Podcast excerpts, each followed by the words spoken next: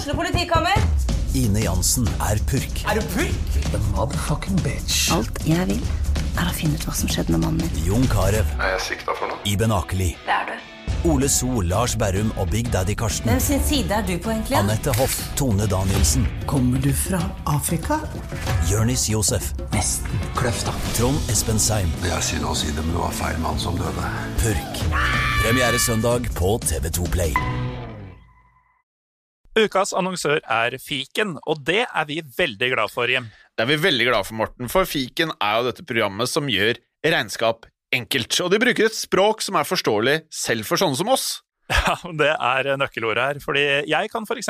registrere kjøpene mine ved å ta bilde av kvitteringa med en app, og salgene mine ved å sende en faktura. Og så er nesten hele regnskapet gjort. Når f.eks. skattemeldinga skal leveres, så er tallene automatisk fylt inn, og så blir jeg guida gjennom det hvis det er noe spesielt jeg må ta stilling til i mitt regnskap. Altså, det er så enkelt. Ja, og for oss som eh, kjenner deg, Morten, så er du jo ikke akkurat kjent for å være noen økonom, akkurat. Så eh, det her høres ut som noe som er midt i blinken for deg. altså, Det har du helt rett i, Jim. For det første så liker jeg helst å bruke tida mi på annet enn regnskap, men med fiken så, så, kan jeg faktisk det også, med god samvittighet, for jeg vet at jeg blir tatt hånd om. Ja, og nå kan du som hører på også teste ut fiken helt gratis i 30 dager på fiken.no. Og hva pleier vi å si da, Jim? Det kan fortelle deg, Morten, for vi pleier å si vi har brukt fiken før. Og vi vil bruke fiken igjen. Og det gjør vi på fiken.no. Et godt råd fra Apotek 1. Påsken markerer starten på solkremsesongen. Og når du skal ut og nyte solstrålene, bør solkremen allerede være på.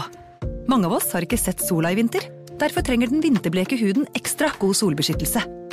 Husk solkrem selv om det er overskyet, og at snø og sjø gir økt reflektering av solstrålene. Kom innom og få råd på ditt nærmeste Apotek 1, eller chats med oss på apotek1.no. Apotek 1 vår kunnskap, din trygghet.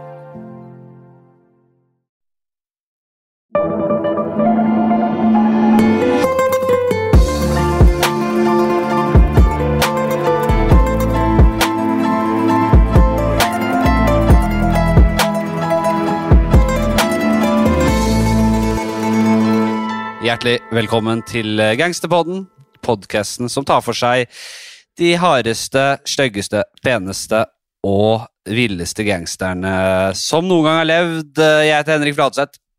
Og jeg heter uh, Jim Fosheim. Jeg tenker liksom, Når du oppsummerer alle gangsterne vi tar, Fladseth, er ikke karismatisk noe som burde stå høyt der sånn? Jo. De er ganske karismatiske mange av dem, men uh, klin gærne. Det er mye jeg kunne sagt, men uh, så liten tid. Ja, ikke sant? Det er Tiden nettopp det. strekker ikke til. Ja, Hvordan står det til, da, Fladseth? Eh, det er ikke så halvgærent. Uh, Jeg ser du har fått deg en ny linskjorte. Ja, nå er jeg inne i et skjortegame som ikke ligner grisen. Det er jo litt sånn eh, Jeg er inne i litt den derre Det er litt sånn mafiaaktig. Jeg har sett eh, disse typer skjortene på Ja. over noen mafia- mafiaskuldre opp igjennom. Det er Ja. litt retro. Litt sånn, litt sånn annerledes type Jeg føler den eh, hadde gjort krage. Ja, Den kunne vært noe Soprano og Tony, Tony hadde hatt på seg. Litt sånn der Bronx. Ja. Bronx, Little ja. Bronx. Jeg kan jo ingenting om klær, Nei. men uh, så hva den type skjorte heter, det vet Jeg Jeg kan heller ikke Men, noe klart. eh, Derav kjøpt 40 svarte T-skjorter av Hennes og Maurits. Har det samme på meg Mm. hver dag. Deilig. Det er egentlig det. det, egentlig det. Grunnkostymet mitt er jo bare to jeans, eh, mørk og lys vask, to shortser, litt samme. Og så har jeg svarte og hvite T-skjorter. Det er grunnkostymet. Par sko. Og så er det kanskje slenge på en skjorte utapå der, da. Og jakker. Ja. Det er det. That's it. That's Men dette er ikke noe mote på den. Det får du nei, det lage med noen andre. Nei, nå må vi gi oss, nå må vi gi oss. Jeg vil bare gi en prop til uh, en annen podkast som du er med i, som heter eh, Fladseth. Jo. Samme som etternavnet ditt, faktisk. Uh, Stemmer, og der fikk jeg en bekjent av meg som syntes det var Han fikk så lættis av en episode du hadde, Mm. som var et eller annet om at du prata Og det er jo ikke helt urelaterbart til det vi prater om, for du pratet om hva som skulle skje med deg etter du døde. Ja, ja. Jeg driver og leser opp eh, Dette er jo min eh, ukentlige podkast der jeg sitter og preiker. Og jeg snakka jo om Jeg driver og snakker Jeg leser opp mitt eget testament om dagen, rett og slett. Ja, Det er jo morbid for mange, men ikke for deg. Men du skulle slepes gjennom Oslos gater, skjønte jeg? Ja, Hvis jeg dør i åpen gate, så er mitt siste ønske som min etterlatte må følge, er jo da at jeg skal slepes gjennom byen etter ankeren av den største personen som er i området. Altså Gjerne den aller største mannen eller kvinnen. The Mountain i, i Game of Thrones-aktig. Så svær, da. Som skal slepe meg da til en klippe, random klippe ut på Bygdøy, og, og da sleggekaste meg ut på havet. Mens eh, vedkommende skriker 'Poseidon!' Ta han hjem. Gjerne en Ta gangster, eller? Nei, dette her er bare Dette er Det er vanskelig for etterlatte å ikke oppfylle noen siste ønske. Så Ja. jeg koser meg litt med det om dagen. Det, det, det er hyggelig at han liker det. Ja. Eh, vi må komme i gang. Ja, ja, det var det jeg skulle til å si. Drikk vannet, og så bare kicker jeg i gang dette her, jeg. For uh, i Ja, ja. dag skal vi innom eh, Eller vi skal prate om en mann som ble ansett som uh, lite overraskende farlig. Han ble ansett som voldelig og ekstremt heldig. Altså Han har mye flaks. Vi har hørt om folk eh, i gangsterverdenen tidligere her som også har blitt betegnet med å ha hatt flaks.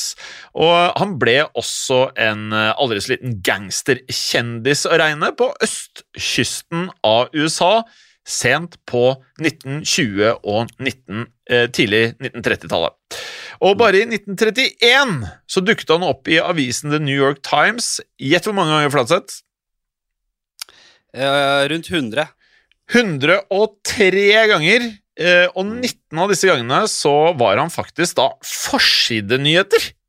Ja, og da må man tenke at 103 det er lite da sammenlignet med de mer useriøse tabloidene, som da rett og slett elsket denne mannen, og de skrev om han så ofte de kunne, og dersom han ikke gjorde noe nyhetsverdig, så fant de på historier selv. Så dette ligner jo litt på, da, på nåtiden, da. Ja, Eh, helt riktig. At de, press, de pusha ut uh, sanne og usanne historier. Ja.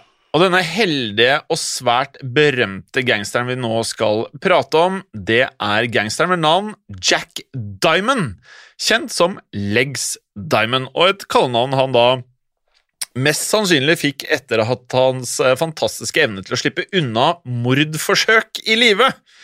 Noen sier da faktisk at han fikk kallenavnet fordi han var så flink til å danse, men de fleste tror det kommer av at han konstant da faktisk klarte å unnslippe eh, med nød og neppe, med liv i behold, hver eneste gang noen forsøkte å drepe han. Derav legs, som et bilde på at han da faktisk løp fra døden eh, støtt og stadig. Ja, det er sikkert noen som får déjà vu nå. Eh, dette har vi jo eh, snakket om eh, før, vi kommer tilbake til det. Og, og det var ikke så rent få da som prøvde å kverke Legs Diamond. Han hisset på seg veldig mange gangstere opp igjennom. Han holdt jo på og herja. Og her er et sitat om han. He never met a friend or business partner that he couldn't double cross. Det vil si da utnytte. Ja, altså Double cross utnytte, svikte, gjerne dolke personen i ryggen. Så det er ganske alvorlig, i hvert fall i en verden der. Eh, og vi har eh, faktisk allerede hørt om ett av forsøkene i tidligere episoder av Gangsterpodden, som da eh, fremkommer i den første episoden i serien vår om Murder Incorporated. Og da snakker vi om hvordan denne Louis Lepke Buchhalter, som da senere ble en av lederne for Murder Inc., og vennen hans da Gurra Shapiro pleide da å jobbe for en gangster ved navn Jacob Origin. Og Buchhalter og Shapiro de fant etter hvert ut at de ville kvitte seg med sjefen sin og da overta alle forretningene hans, og deretter sendte de da ut leiemordere for å drepe han midt på gata i New York.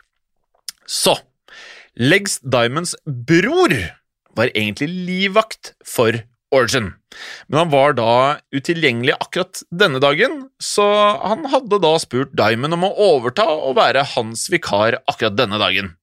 Og han fulgte Origin bortover gata, da de tre mennene da omsider kom løpende frem mot dem begge, og da rett og slett bare åpna ild.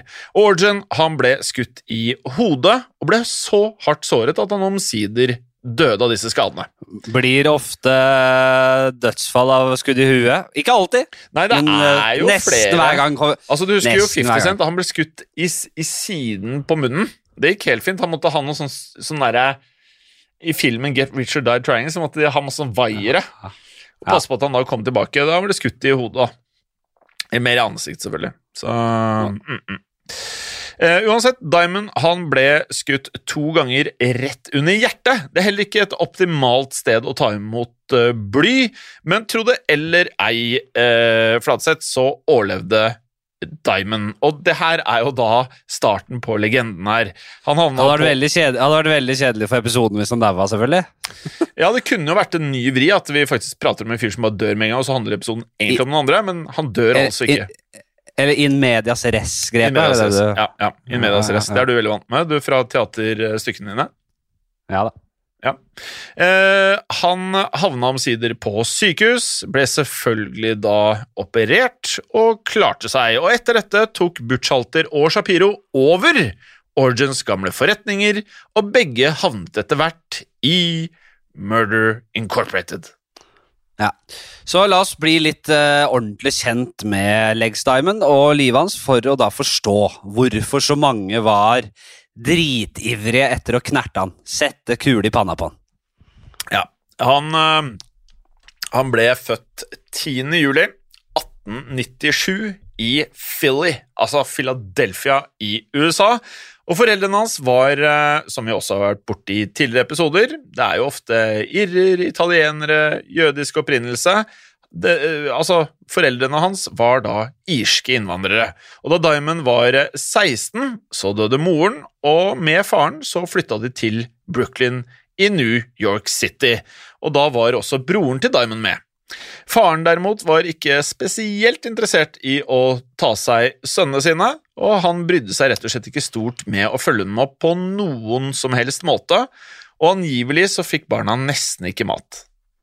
Og hva pleier å skje da? Jo, da begynner man å henge rundt sånn som Diamond med lokale gjenger, begynner å stjele og skaffe eh, penger og mat og det ene og det andre. Eh, etter hvert så ble Diamond kjent med en eh, veldig dreven tyv, eh, som heller ikke var eh, redd for å rane og banke dritten ut av folk for å få det som han ville, Jim. Det er helt riktig, Flatseth, for eh, i Diamonds tenår så var vi jo da i samme periode som første verdenskrig, og han ble da etter hvert sendt i militæret. Eh, og som så mange ganger før i, i gangsterboden, så hørte om andre gangstere som eh, var fullstendig uinteresserte i å ha noe som helst å gjøre med militæret. Men Diamond han eh, stakk av etter mindre enn ett år, og det tok heller ikke lang tid før han ble arrestert og da sendt i fengsel i et par år denne gangen. Men uh, når han kom ut, da, da skjøt jo karrieren virkelig fart. Dette er i 1921. Forbudstiden hadde lagt seg over USA uh, og gitt uh, dårlige levekår for mange, men ufattelige inntektsmuligheter for eh, enhver med kriminelle tendenser, får vi si. Spritforbudet var i full gang. Gangstere over hele landet eh, lagde og smuglet ulovlig sprit, og pengene strømma inn eh, for gutta nå. Ja, og da skjønner man jo at dette var noe Diamond kastet seg på. Så Diamond og broren hans de dro til eh, Manhattan, og her så begynte de da med strøjobber, altså småjobber, for en annen gangster som var eh, relativt ukjent faktisk på den tiden, men som da snart skulle bli en av historiens mest berømte gangstere, selvfølgelig, nemlig Lucky Luciano. Og etter å da ha jobbet for Luciano, så mm, introduserte Luciano Diamond-brødrene til det som skulle bli Diamonds mentor, Arnold Rothstein, kjent som The Brain. Flatseth, kan jeg bare spørre, er en hund som driver og barker i nærheten her, eller? Ja, hører du hunden? Ja, om jeg hører hunden? Jeg hører ikke ja, det er hunden min som har kommet hjem og er veldig glad. Jeg håper eh, jeg, jeg, jeg hørte ikke det. Jeg har så, te, eh, har så noise cancelling headset ja, nei, det var tydelig at det eh, var uh, dyr, dyr der, ja. The Brain, ja. Det er det jeg Skulle Det det kalt bikkja mi òg? Hun er, hun er smart bikkje. Ja. Nei, men The Brain liker jeg i sin enkelhet. Det er så beskrivende også, liksom. Nei, jeg liker det. Eh, og, og, og, og The Brain skal vi, og vi lover det ofte, men det, denne gangen mener vi det. Han skal virkelig ha en fremtidig episode. Eh, eh, The Brain Rothstein var jo en av de mektigste gangsterne i New York på den tiden. Eh, og dette var en gyllen mulighet for Diamond, som etter hvert nå ble Rothsteins livvakt. Det begynner jo ofte der, ikke sant? Sjåfør eller livvakt. Eh, og de bygde seg opp et nært vennskap etter hvert, Diamond og Rothstein. Eh, og Rothstein lot Diamond etter hvert eh, komme dypere og dypere inn i sirkelen og være med på de veldig lukrative smugleroperasjonene av heroin som han drev med. Og da begynte lommene til Diamond å, å, å fylles av penger og eh, alt mulig annet. Alt mulig annet, ja. Lurer på alt det er. Det kan jo være godteri, det kan være hero Det er mye. Ja, jeg, jeg tråkk meg litt på det, fordi det er grenser for hvor mye han hadde lagt av det i lommene. Man Ja, legger jo ikke alt i lommene. Nei, han må ha hatt det flere steder. Ja. Ja. Men det er å være livvakt slash eh, sjåfør, det er jo nest, nesten som å være en trainee, vel? Med Ja, men eh, det er ja, Hvilke andre start, steder starter man? Det er enten sjåfør, livvakt eller uh, Du kan, være liksom, ja, sånn, er, du kan være sånn soldat eller langer, men Ja, det, det, er litt, det er ikke like, da er du ikke like på sjefen, ikke sant? Nei, det er før det igjen, ikke sant? Ja. Men når du, er, når du nærmer deg uh, sjefen, så er det livvakt eller sjåfør som gjelder. Ja, ja. Jeg, hadde, jeg hadde tatt sjåfør eh, ti av ti ganger. Det livvakt-greiene, det er ikke noe for meg, i hvert fall. Det er fordi du er en pingle. En liten pussy.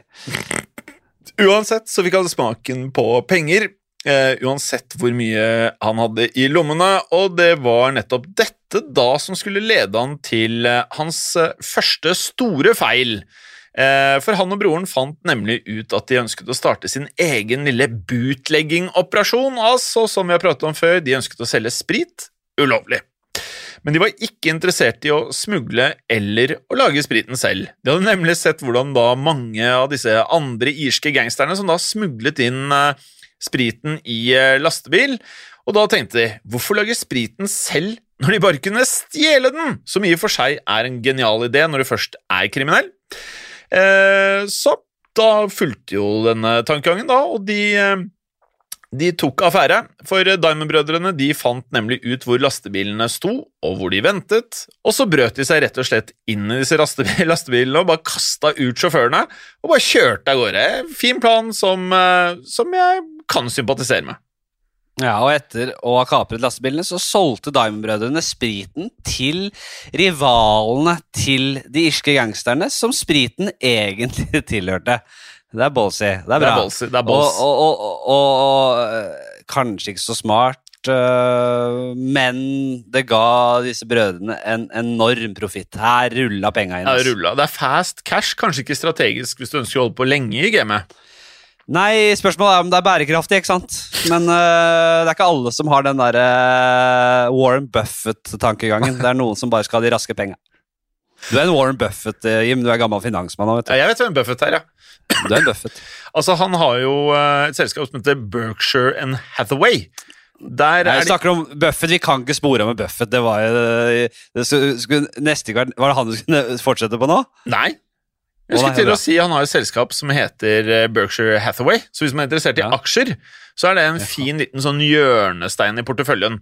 Uh, uansett, uh, tilbake til uh, Diamond her. Det er så urelevant. Det er så lite relevant, vet du. Hæ? Det er så lite, det er så lite relevant, men det er bra. Men det er jo gangsterpodden, da. Eh, Finans, penger Det er jo ikke helt ute i natta, hvis du skjønner Nei, kanskje ikke, kanskje ikke. ikke Vi fortsetter, Jeg har hørt verre, vi har hatt verre. Eh, men uansett, denne ja, må jo kunne kalle det en liten operasjon, det var ikke store greier ennå. Uh, viste seg å være en lite, lite god idé. For de irske gangsterne som da opprinnelig eide lastebilene, de likte jo ikke å tappe penger. Eh, og dette her var folk som da eh, ja, samarbeidet med store mafiasyndikater i byen. Det vil si, det samme mafiasyndikatet som Diamond-brødrene samarbeidet med gjennom Rothstein og Luciano, var de de Ja. egentlig stjal av, da. Og, og, og da de oppdaget hvem som sto bak eh, lastebilkapringene, ble jo mafiaen rasende, selvfølgelig. Så Diamond-brødrene mistet jobben og mafiasyndikatets eh, beskyttelse. Og nå var det fritt frem for de irske gangsterne uh, som brødrene hadde stjålet fra. Og de var jo drittforbanna, selvfølgelig. Uh, og det måtte selvfølgelig smelle på et tidspunkt. Om det smalt, ja. Den 24. oktober 1924 prater vi om nå. Legs Diamond han var eh, ute og kjørte en liten tur i sin eh, blå sedan, eh, hvor han da stansa ved et kryss da en svart limo kom kjørende opp ved siden av han. Og Øyevitner skal ha fortalt at vinduet på den svarte limoen rullet ned sakte, men sikkert, akkurat som i en klassisk mafiafilm, og ut av vinduet stakk det en hagle som da pekte rett mot Diamond. Og da skjedde jo det som måtte skje. Hagla den ble fyrt løs, og Diamond ble igjen truffet. Og så da, etter hva vi har forstått, så dukket han ned såpass lavt at han da kunne rett og slett bare trykke ned gasspedalen og være utenfor eh, for eh, fare for flere skudd, og bilen bare suste av gårde. Og eh, i og med at han da ikke kunne se så godt da hvor han kjørte, så var jo ikke dette en enkel sak, men han klarte likevel å kjøre et helt kvartal uten å bli truffet eller treffe noe som helst. Og da han forsiktig løftet blikket, så var det ingen limo å spore. Diamond kunne de gatene i blinde, vet du. Det var ikke noe tvil om det. Eh, og i, han kjørte da helt eh, til sykehuset, faktisk. denne, Han var jo sikkert redd og lå langt nede, men kjørte til sykehuset. Eh, legene fjernet haglekuler fra Diamonds eh, kropp, men dette var kun overfladiske skader. Det gikk egentlig veldig fint. Dette Diamond hadde da rett og slett overlevd sitt første mordforsøk. Ja. Politiet de kom og avhørte han, men eh, man vet jo hvordan dette med avhør av en gangster i gangsterverdenen fungerer. Man holder helt kjeft uansett hva man vet, så da politiet spurte han, så svarte Diamond noe sånn som dette, som dere skjønner har oversatt. Jeg vet ikke noe. Hvorfor skulle noen skyte meg? De må ha tatt feil fyr.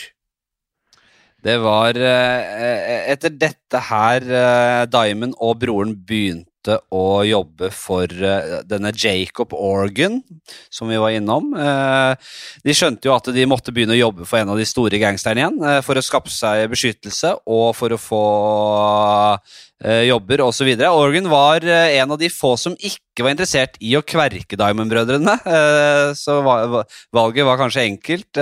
De følte seg trygge hos han, men vi hørte jo hvordan det gikk i starten her. Vi snakket jo om det, for i oktober 1925 så opplevde nå Legs Diamond sitt andre mordforsøk. Eh, og, og det var jo da det vi fortalte om i stad, da Butch Halter eh, og Shapiro i Murder, eller som skulle bli Murder Inc., sendte mordere for å drepe han og Organ. Men Flatseth, denne Diamond, han overlever jo det meste som han da forstår. Og han overlevde dette her òg. Og da han kom ut av sykehuset, så fikk han et um, riktig så bra og lukrativt tilbud av eh, Butchalter og Shapiro, som da hadde tatt over alle forretningene til Orgen. Og de visste jo utmerket godt at Orgen hadde latt Diamond ta del i bootleggingen og alt av narkotikaoperasjoner, og dermed tilbød de ham da å jobbe for dem. Og de ville da rett og slett at han skulle styre disse operasjonene, siden han da kjente godt til dem fra før. Så Buchhalter og Shapiro de ønsket dermed å konsentrere seg om Origins andre operasjoner. Ja, og dette kunne jo virkelig vippa begge veier for Diamond, så han var en lucky bastard, rett og slett. Eh, Diamond godtok eh, tilbudet, og dette var nå begynnelsen på hans nye, glamorøse og eh, ekstravagante eh, Livim. Definitivt, for han eh, styrte nå bootlegging og narkotika. Og Dette er big business, selvfølgelig, slik at eh, pengene de, de, altså Det var mer penger enn noen gang. Og Diamond skulle nå endelig begynne å leve det gode liv. Altså, han var nå mer eller mindre en rockestjerne. Og han ble da veldig fort etter dette her ansett som fast gjest på de aller beste nattklubbene. Og tenk deg det, Flatse, liksom heydaysene i New York på de feteste nattklubbene. Altså live musikk på scenene, masse mafiafolk. Man kan se det for seg, eller? Ja visst, faen. Selv en fyr som deg som ikke ser mafiafilmer. Det var ikke én jævel som satt med trynet ned i, med i iPhonen da, nei, Nei. og spilte spill. Det var eh, Nei, fullt fokus. Det hadde vært bra for enhver standup-komiker. Da hadde man sluppet å tenke på at folk ikke følger med, selvfølgelig. Men uh, i en sånn type setting, da. Du er stinn av penger, du er på de heiteste nattklubbene. Da tar det ikke lang tid før tabloidene uh, legger merke til deg, trykker bilder og begynner å prate om det som ser ut som en rik og flott, suksessfull mann som stadig vanker på byen. Eh, de hadde ennå ikke begynt å beskrive han som en gangster eh, helt ennå. Nei, Han var elsket bylivet, han elsket dette kjøret her, og, og, og ble etter hvert deleier av en nattklubb kalt det Hotsy Totsy Club. Oh. Han danset, røyka, festa. Men Deilig. I juli 1929 så ble det bråk. Tre gjester på The Totsy Club begynte å De klikka rett og slett. De begynte å rope og skrike på de ansatte. De krevde at kelnerne og bartenderen skulle gi, gi dem mer drikke. eh, Men ettersom disse gutta var veldig berusa, så nekta bartenderen å gi dem noe mer. De holdt på sånn den gangen også. Ta runder rundt kvartalet. Det, noe, det er ikke noe nytt, det. Eh, Og en kelner ba dem etter hvert om å roe seg ned, ellers så måtte de gå. Eh, Og da ble disse gjestene rasende og begynte å krangle med kelneren. Og snart så kom klubbens daglige leder, forsøkte å ordne opp i situasjonen, men så tok en av disse tre gjestene og tok tak i den daglige lederen og kasta han i, Ja. i gulvet der. Ja, og det, da eskalerer ting. Eh, Diamond var jo også på The Hotsy Totsy Club denne kvelden, kvelden her, selvfølgelig. Eh, sammen med en av sine mest betrodde menn. Og da han så hva som foregikk, så gikk han bort til eh, de høylytte gjestene og sa nå følgende I'm Jack Diamond, and I run this place. If you don't come down, I'll blow your fucking head off. Eh, og, og gjestene de ble jo da uh, det motsatte av oss, uh, Fladseth. Vi hadde jo vært ganske kjapt ute av Hotsy Totsy Club. Men de gutta her de ble ikke uh, skremte overhodet. Den ene da snerret tilbake. You can push me around. Og det, Ja, det, det er ikke bra. Nei, vi kan ikke love at dette her er helt nøyaktige sitater. Altså. Jo. Dette er nok Jo. litt etter eh, Dette, er nok, dette kan være he... Ja, dette her er nok Jo. veldig upresist, selvfølgelig. Men uh, uansett hva han, uh, han svarte til Diamond, så var det det siste han sa. Diamond han, og vennen, hans betrodde mann, dro frem pistolene og fyrte løs. Oi. Den ene gjesten, en av gutta, ble skutt tre ganger i huet. Én gang i magen og én i skrittet. Den andre fikk seks kuler i magen, og begge døde der og da. Og da politiet ankom, så fant de også den tredje gjesten liggende i bunnen av en trapp med eh, tre skuddsår. Ja, Det er en ganske heftig scene du maler her. Eh, Ja, det er ganske rått. Mm, og I og med da at Diamond og vennen hans eh, hadde da, altså, De var jo polstra med pistoler, selvfølgelig.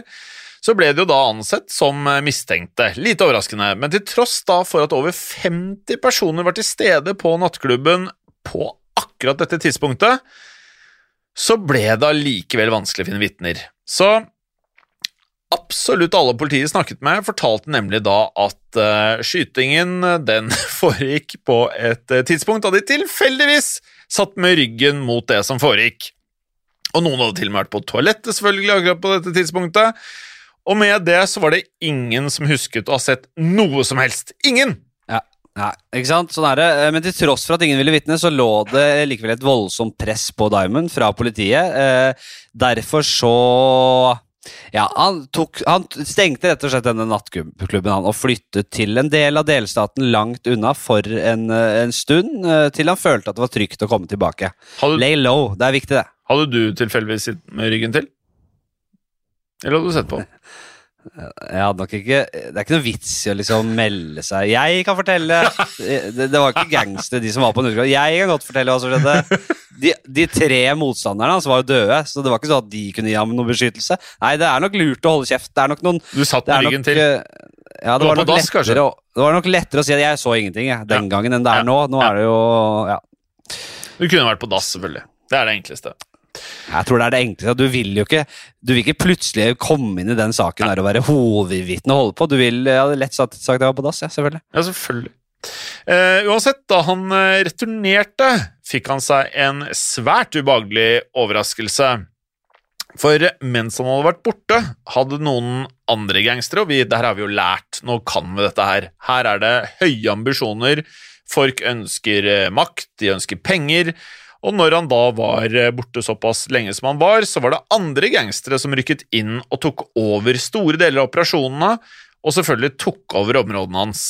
Ehm, og den ene av disse gangsterne her, det var en mann vi har hørt om to ganger før, faktisk, her i Gangsterbåten. Det var nemlig Dutch Schultz. Og vi husker at han på slutten av 1920-tallet og i begynnelsen av 30-tallet var eh, svært sulten på å kapre eh, områdene til eh, stort sett alle andre gangstere. Og det var han som da forsøkte å ta over deler av Harlem fra Stephanie St. Clair, for eksempel. Ja, så da Diamond kom tilbake, så hadde han fått seg mektige fiender, rett og slett. Han gikk nå rundt som en ja, vandrende målskive, og alle var overbevist om at det ikke var lang tid før eh, Diamond var knerta. Eh, Da han kom tilbake, og dette var i 1930, så begynte folk eh, rett og slett å omtale han som underverdenens leirdue. Det er sånne man på signal får skutt opp i været, og så man skyter med hagle sånn på som bane, ikke sant? Det, Så ja. det er ikke det deiligste kallenavnet. Nei, det, det, Det- det gjør noe med selvtilliten, det. Det gjør noe med selvtilliten. Er det, u, er det underverdens Leidu som kommer?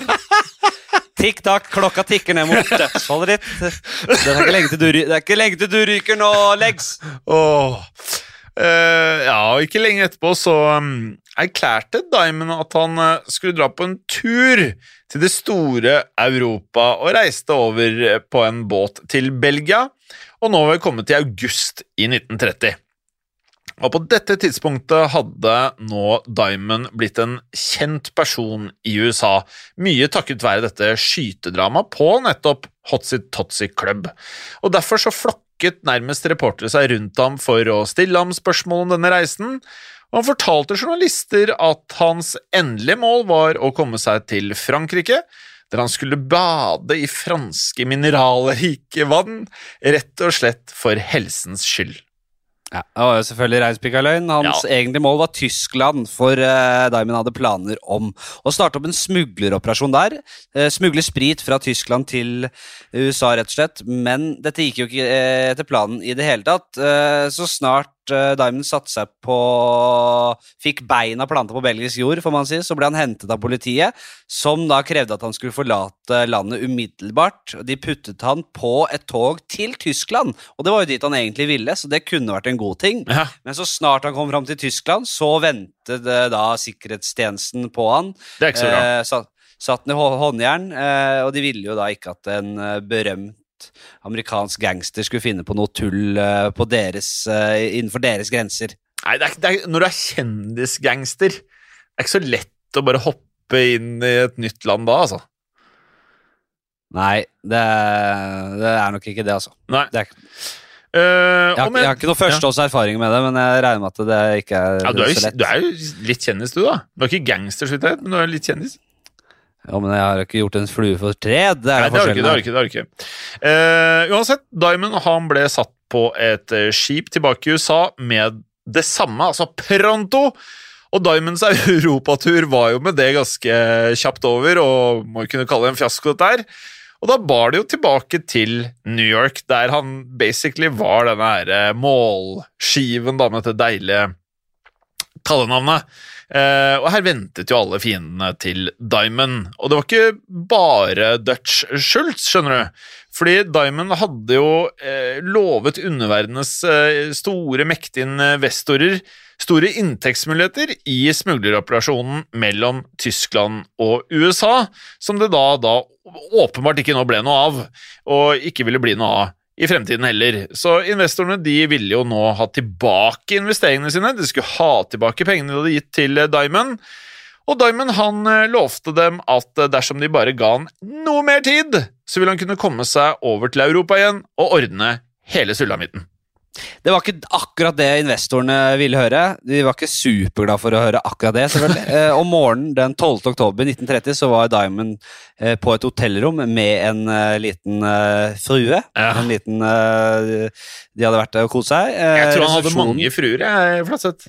Ja, det var selvfølgelig Ja, selvfølgelig! Du hører jo, Det visste jo hele veien. Legs. Ja. Jeg er overrasket over at han ikke hadde flere innpå der om gangen. Ja. At det bare var én. Ja, jeg tror det var Pate flere. patetisk. Patetisk. Latt. Ja, det er jo helt Hva er det du driver med, Lex? Én dame på rommet.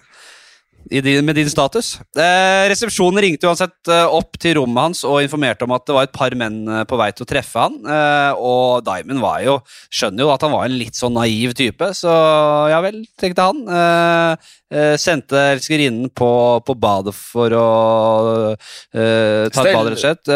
Mens Diamond tok imot disse mennene. Ja. Eh, tok imot disse mennene.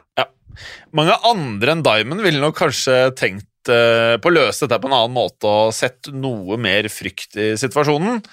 Men eh, ja, han fikk jo erfare at disse mennene de eh, var slett ikke kommet for å diskutere forretninger. De dro nemlig frem en pistol, og det smalt pistolskudd rundt i hotellrommet. Og vitner som da våget å kikke ut i gangen, fortalte at de så mennene da løpe sin vei etter dette.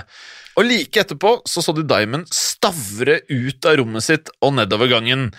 Og da rant det rett og slett blod nedover ansiktet fra et skuddsår nok en gang i altså, hoderegionen, nemlig pannen hans. Og eh, han gikk angivelig med en pysjskjorte. Går du med pysj, Flatseth? Nei, det er veldig få som gjør det i dag, men veldig, alle gikk med pysj før i tida. Det, Ja. var, eh, det er noe helt annet nå. Ja, Det var uh, na, Jeg vet ikke, selv en gangster som hadde elskerinne på rommet, på med pysj. og Det, det var en helt annen pysjkultur og slåbrokkultur før. Og det, det er synd nesten at vi ikke uh, har beholdt det. Men jeg elsker å sove naken. For meg så er det helt utenkelig å ha tekstil uh, mellom kroppen og dyna. Helt Nei. utenkelig. Skjønner. Og denne pysjskjorta, den var søkkvåt av blod fra da tre pistolskudd, som da bare penetrerte brystet hans.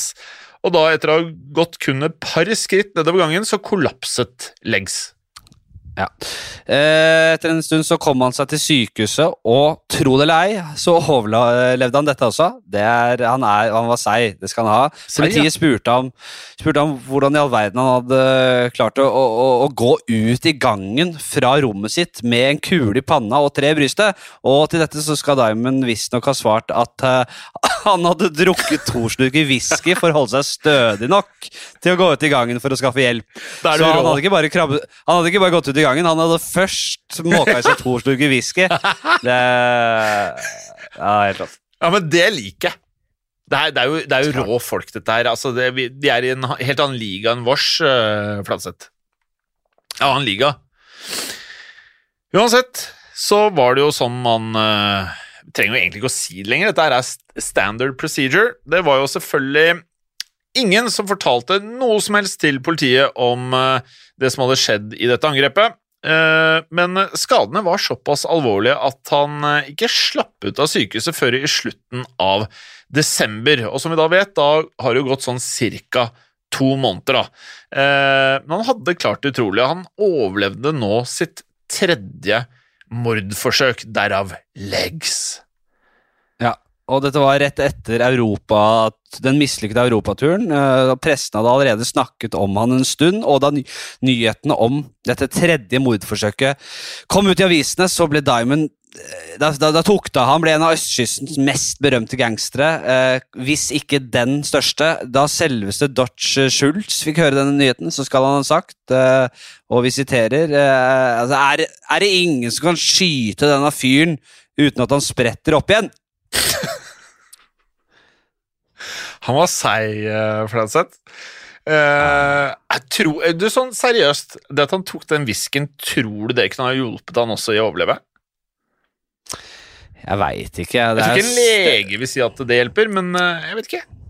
Nei, jeg, jeg har ikke blitt skutt uh, tre ganger i magen og en i panna før, men uh, hvis jeg hadde hatt spriten veldig lett tilgjengelig Du hadde tatt en liten knert? Ja, om ikke, om ikke annet for, enn for historiens skyld, så hadde jeg nok det. Ja, det blir jo gode historier, selvfølgelig. Det Eh, er, det er ikke, du blir ikke mer syk av et par slukker whisky. Den, det, du, vi, vi, for, dere av, for, deg, for dere av lytterne som drikker brennevin, det er sikkert ikke alle som er gamle nok engang, men eh, det vet jeg ikke noe om. Eh, jeg har ikke sjekka alders... Uansett.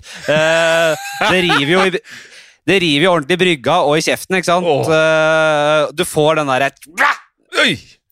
Ja, det, I hvert fall hvis det er første slurken, så Så det, det gir et lite oppkvikk, en liten Så at det liksom At det holder deg litt øh, våken og litt øh, mer Ja, det tror jeg på. Ja, man våkner, ja. Det er ingen tvil om det, Fladseth. Og Diamond han brukte vinteren på å komme seg. Om våren så rettet han blikket mot en region i delstaten New York kalt Catskill. Catskill? Eh, og han bestemte seg da for å skaffe seg monopol her, altså på bootlegging for hele regionen. Noe han var godt i gang med, og nå må vi spole litt frem til april måned, hvor det var en kveld hvor han, elskerinnen og to av mennene hans nok en gang var ute på byen og ja, drakk og festa og koste seg og brant penger. Og på vei hjem så kom de over en lastebil full av sprit, men den tilhørte ikke Diamond.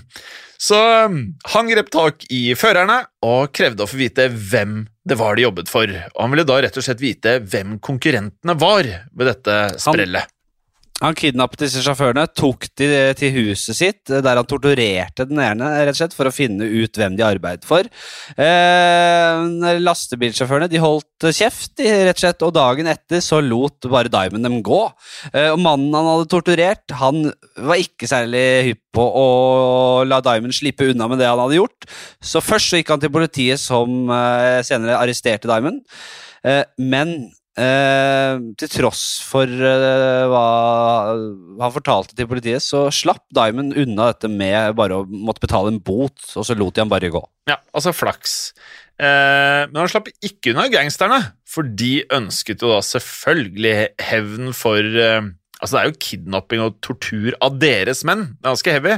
Så to dager senere, da har vi kommet til slutten av april, 27. april 1931 da var Diamond på vei ut av en veikro da det smalt noe så voldsomt, eh, var nærmest som et kuleregn mot han, hvor to menn kledd som jegere satt i en bil like ved, og de dro, de dro rett og slett frem med pistoler og bare skjøt, altså bare plaffet i vei mot han. Og Diamond han ble igjen truffet flere ganger og kollapset, hvorpå bilen forsvant eh, mens han da lå blødende foran, altså rett utenfor veikroa. Og der døde han. Nei, han gjorde ikke det. Nei, han gjorde ikke det. Fladseth. Eh, han daua ikke denne gangen heller. Det var ikke denne gangen heller. Uh, han overlevde. Uh, pressen var nå dette, Pressen elsket jo dette her, ikke sant? at ja. han overlevde, og at han var uh, Dette er sånn Ville Vesten-greier, Ja. ikke sant? Det her uh, syns folk var rått, og Ja. pressen var jo i fyr og flamme. men ja, Diamond fikk ikke hvile i eh, fred og ro eh, denne gangen, eh, som på forrige sykehusbesøk. 1. mai så ble noen av hjemmestedene hans eh, raidet av myndighetene, og de konfiskerte lass på lass med Diamonds ulovlige alkohol. Han ble straks arrestert og siktet for butleggingen, og ble nå dømt til fire års eh, fengsel. Diamond han eh, anket eh, rett og slett saken, han. Um, rettssaken den fortsatte, og den dro ut i månedsvis. Eh, og mens dette foregikk, så havnet Diamond i en annen rettssak også. Denne gangen ble han siktet for kidnapping av den ene sjåføren, som da vi snakket om tidligere. Altså ikke den han torturerte, men den andre, som han da kun i gåstein hadde holdt i fange. Men vår mann Diamond han klarte på nytt å vri seg unna, og når vi da kom til juli 1931, så ble han altså frikjent. Og utenfor rettshuset sto det da skarer på skarer av fans som da rett og slett eh, ikke kunne få nok av helten og idolet deres, vil jeg anta, Jack Diamond. Da de hadde hørt at han var frikjent, så brøt det ut i jubel der. Ja, det var hundrevis av mennesker som sto utenfor rettshuset. Ja, ja, det var ordentlig fest. eh, Det var helt ville tilstander. De sto utenfor rettshuset i håp om å få et lite glimt av han. Eh, men dette var ikke særlig bra for Diamonds forretninger, kan man si. Det var, ganske, det var og er sikkert ganske upraktisk å være eh, når man er gangster. Eh, han måtte flytte på seg konstant, for han ble så lett eh, gjenkjent. Eh, og rettssankene kom jo på løpende bånd. Han havnet i retten igjen ikke like etterpå, denne gangen for, siktet for kidnapping og vold mot sjåføren han torturerte for informasjon. Så han slapp ikke bare unna med en bot. Det kom masse greier i etterkant av, av den kidnappingen der. Ja. Men han klarte nok en gang å vri seg unna, og ble frikjent den 17. desember. Og samme kveld gikk han da ut med familien, han gikk ut med vennene sine, og feiret denne dommen på en hotellbar.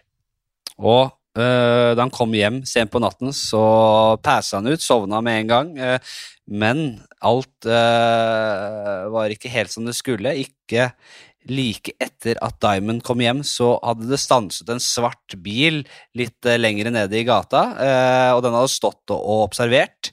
øh, og den øh, rullet nå frem til huset der Diamond leide rom. To menn kom seg ut av bilen, låste opp hoveddøra med nøkkel. De snek seg raskt inn og opp trappa til eh, Diamonds rom. Og Noen sier at de hadde nøkkel til rommet hans også, andre sier eh, eh, Diamond hadde glemt igjen nøklene i døra da han uh, ramla inn der tidligere. Uansett, da, så kom de to mennene seg inn på hotellrommet hans, der han selvfølgelig da lå og sov på eh, sengen i eh, undertøyet. Jeg vil jo tro at det er pysj, sikkert av uh, silke. Ja, han, Eh, rakk, han fikk ikke på seg pysjen etter den byturen. der, vet du. Det er ikke alltid det var pysj. Sånn er det. No, noen ganger sovner vi også med klær i. Hvis man er altfor eh, sliten og berustet. Jo, da. Sånn. Jo, jo, ja, sant det. Eh, Men disse mennene her de kastet ikke bort tiden, for eh, den ene grep tak i Diamond, og rett og slett ja, hans mål var bare å holde Diamond nede, mens den andre dro frem pistolen og rettet den mot Diamonds hode nok en gang og fyrte av. Og han skjøt Diamond rett i huet hele tre ganger, og mennene løp deretter ut av rommet hans, men halvveis ned trappa så stoppet det. For den ene mannen tenkte seg om, og så snudde han seg og sprintet opp igjen på Diamonds rom. Skjøt han enda en gang, for de visste jo hvor vanvittig høy overlevelsesevne Diamond hadde. Og denne gangen så ønsket de rett og slett ikke å ta noen sjanser, så fire skudd rett i huet. Ja, det er jo et fint symbol. Det oppsummerer på en måte livet hans og det han var kjent for. da. Dette, den eksist runden opp. Nei, du, nå har vi skutt den tre ganger i huet, men han er seig. Vi tar ett skudd til. Eh, så disse eh, morderne de løp eh, ut i natten, for de hadde faktisk klart å drepe Diamond. De hadde tatt rotta på han. Han døde til slutt. Han hadde overlevd fire mordforsøk, men den femte gangen så måtte han gi tapt. Den berømte eh, Legs Diamond, underverdenens leirdue, var, eh, var død. Ja, jeg, jeg må jo si jeg, jeg fikk litt sansen for den. jeg. Fæl type på sett og vis, men samtidig karismatisk. Mm. Mm, og selv om uh, igjen, på nytt og på nytt, så, så hører vi det samme, så var det et vitne som så de to mennene som skjøt han, Uh, men uh, saken ble aldri løst. Og mer enn 200 mennesker strømmet til begravelsen for å se Diamond bli begravd. Eh, men ingen av hans eh, medgangstere var å se, sikkert mange ulike årsaker til det, men han hadde ikke så mange venner igjen på det tidspunktet han døde, slik vi forstår. Eh, og ingen har funnet ut hvem som sto bak drapet på Legs Diamond. Men det finnes, selvsagt eh, haugevis av eh, teorier, og mange tror at det var Dutch Schultz som var lei av Diamond, og at han prøvde å breie seg i områdene og rett og slett fikk nok. Og noen mistenker andre, mer lokale gangstere. Ja, Det var også en teori om at det var eh, familien til de som ble skutt på Hotzy Totzy Club. Det har vært en teori. Ja, og Diamond han manglet ikke akkurat fiender, eh, Flatseth, så eh, det er egentlig bare å velge å, å vrake her. Men det finnes en eh, annerledes og svært utbredt teori også, som kommer fra en anerkjent ekspert på historien til New York-delstaten. For etter nøye granskning og intervjuer så presenterte denne eksperten en teori om at Diamond slettes ikke ble drept av underverdens gangstere. For han skulle da angivelig ha blitt eh, beordret drept av en politiker, som sendte rett og slett politiet for å drepe Legs. Og denne politikeren, eh, det skulle da ha vært eh, mannen som ledet Det demokratiske partiet på den tiden, en mann ved navn Dan O'Connell. Og han eh, ville da kvitte seg med Diamond for enhver pris. For siden Diamond var velkjent både i underverdenen og i offentligheten, så var han relativt enkel å holde øye med. Politikeren O'Connell fikk greie på at Diamond planla å etablere et ja, eh, beskyttelsesoperasjoner eh, i byen Albany, som er hovedstaden i delstaten New York. Eh, han ville altså da ja, sette opp omfattende sånne utpressingsoperasjoner som er så kjent fra mafiaen i, i, i denne byen. Ja, og Connell han hadde enorm makt i Albany på denne tiden. Og han var intenst opptatt av å rett og slett forhindre en oppblomstring av organisert kriminalitet i byen. Og Da han da hørte at Diamond skulle prøve seg på dette, her, så bestemte han seg da angivelig for at Legs han måtte forsvinne en gang for alle. Og Dermed så brukte han kontaktene sine til å sende Albany-politiet etter Diamond for å da rett og slett tilintetgjøre han. Ja, og visstnok så skal flere av de som står under uh, O'Connell på denne tida, uh, senere bekrefte da at denne historien om at det var han som sendte politiet for å drepe Diamond, og at den var riktig. Uh, så det kan være litt hold i, i dette her. men det er likevel så lenge siden, og det finnes ikke nok bevis, så man kan rett og slett ikke si noe sikkert. Men Diamond, han var død. Han had, han, de fikk han til slutt, men han levde et innholdsrikt eh, innholdsrikt liv, Bra, er det jeg prøver å si, Ja. på eh, feil side av loven. Uh, trenger ikke være kjedelig der, det kan være et eh, spennende liv, det òg. Vi skal da alle bare leve på, denne, leve på denne kula og så dø til slutt, så ja. Kan, Det, er det kan være greit at det river litt. ja, jeg kan fortelle at eh, hadde Legs Diamond levd, og han levde når du falt om eh, på Oslos gater, så har jeg nemlig sett ganske mye bilder av Legs. Han er ikke Da skal det være mye tynne, små mennesker eh, i tillegg til legg. Skulle han blitt den utvalgte til å drasse deg gjennom Oslos gater og sleggekaste deg ut på sjøen, for dette var en tynn type. Meget spinkel. Eh, egentlig Han gikk med dress, han gikk med sånn flott hatt som man ser på mafiafilmene, men på ingen måte en kjekk fyr. Vi har sett mye pene gangstere. Han fyren her, Jeg vil ikke karakterisere han som pen nødvendigvis. Heller ikke sånn Jeg hadde ikke tenkt at han var en sånn veldig fancy fyr. Men Han har jo flotte klær, men han ble beskrevet som en festløve og en fyr som var en sjarmør. Eh, og med det, Fladseth, så har jeg nå eh, valgt en sang, skjønner du. Vil du høre hvilken sang jeg har valgt til dagens eh, låt? Veldig gjerne. Ja. Det jeg gjorde Her, her er det flere knagger, og denne her er ganske, jeg er ganske fornøyd med denne, Fladseth, så høre hva du synes. Som i navnet, så det passer veldig bra. Eh, Swedish House Mafia heter eh, gruppen. For de aller yngste lytterne, så kanskje dere ikke har hørt om de. Folk på 25-27 pluss vet veldig godt hvem den gjengen her er. De er i dag oppløst. Angivelig så er det noen som mener de kommer tilbake igjen.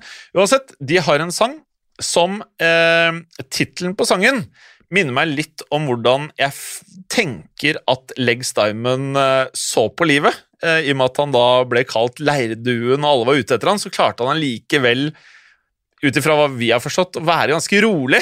Og for å være rolig så må du jo på en måte ta det Ja, ha lite bekymringer, føler jeg. Eh, Selv om man skulle trodd at du hadde panikk hele tiden. Sangen til Swedish House Mafia som jeg har valgt ut i dag, heter Don't Worry Child. Ja.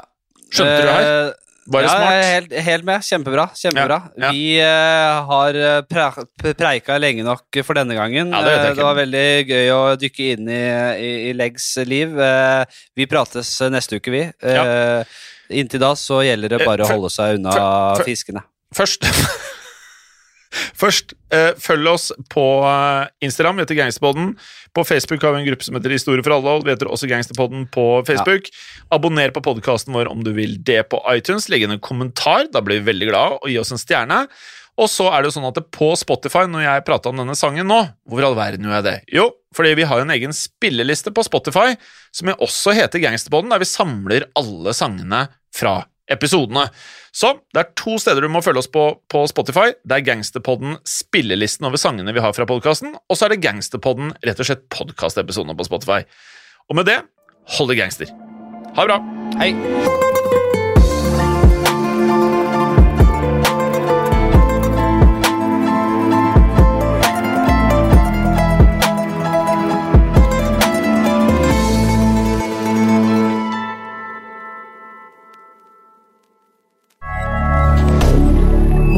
Media.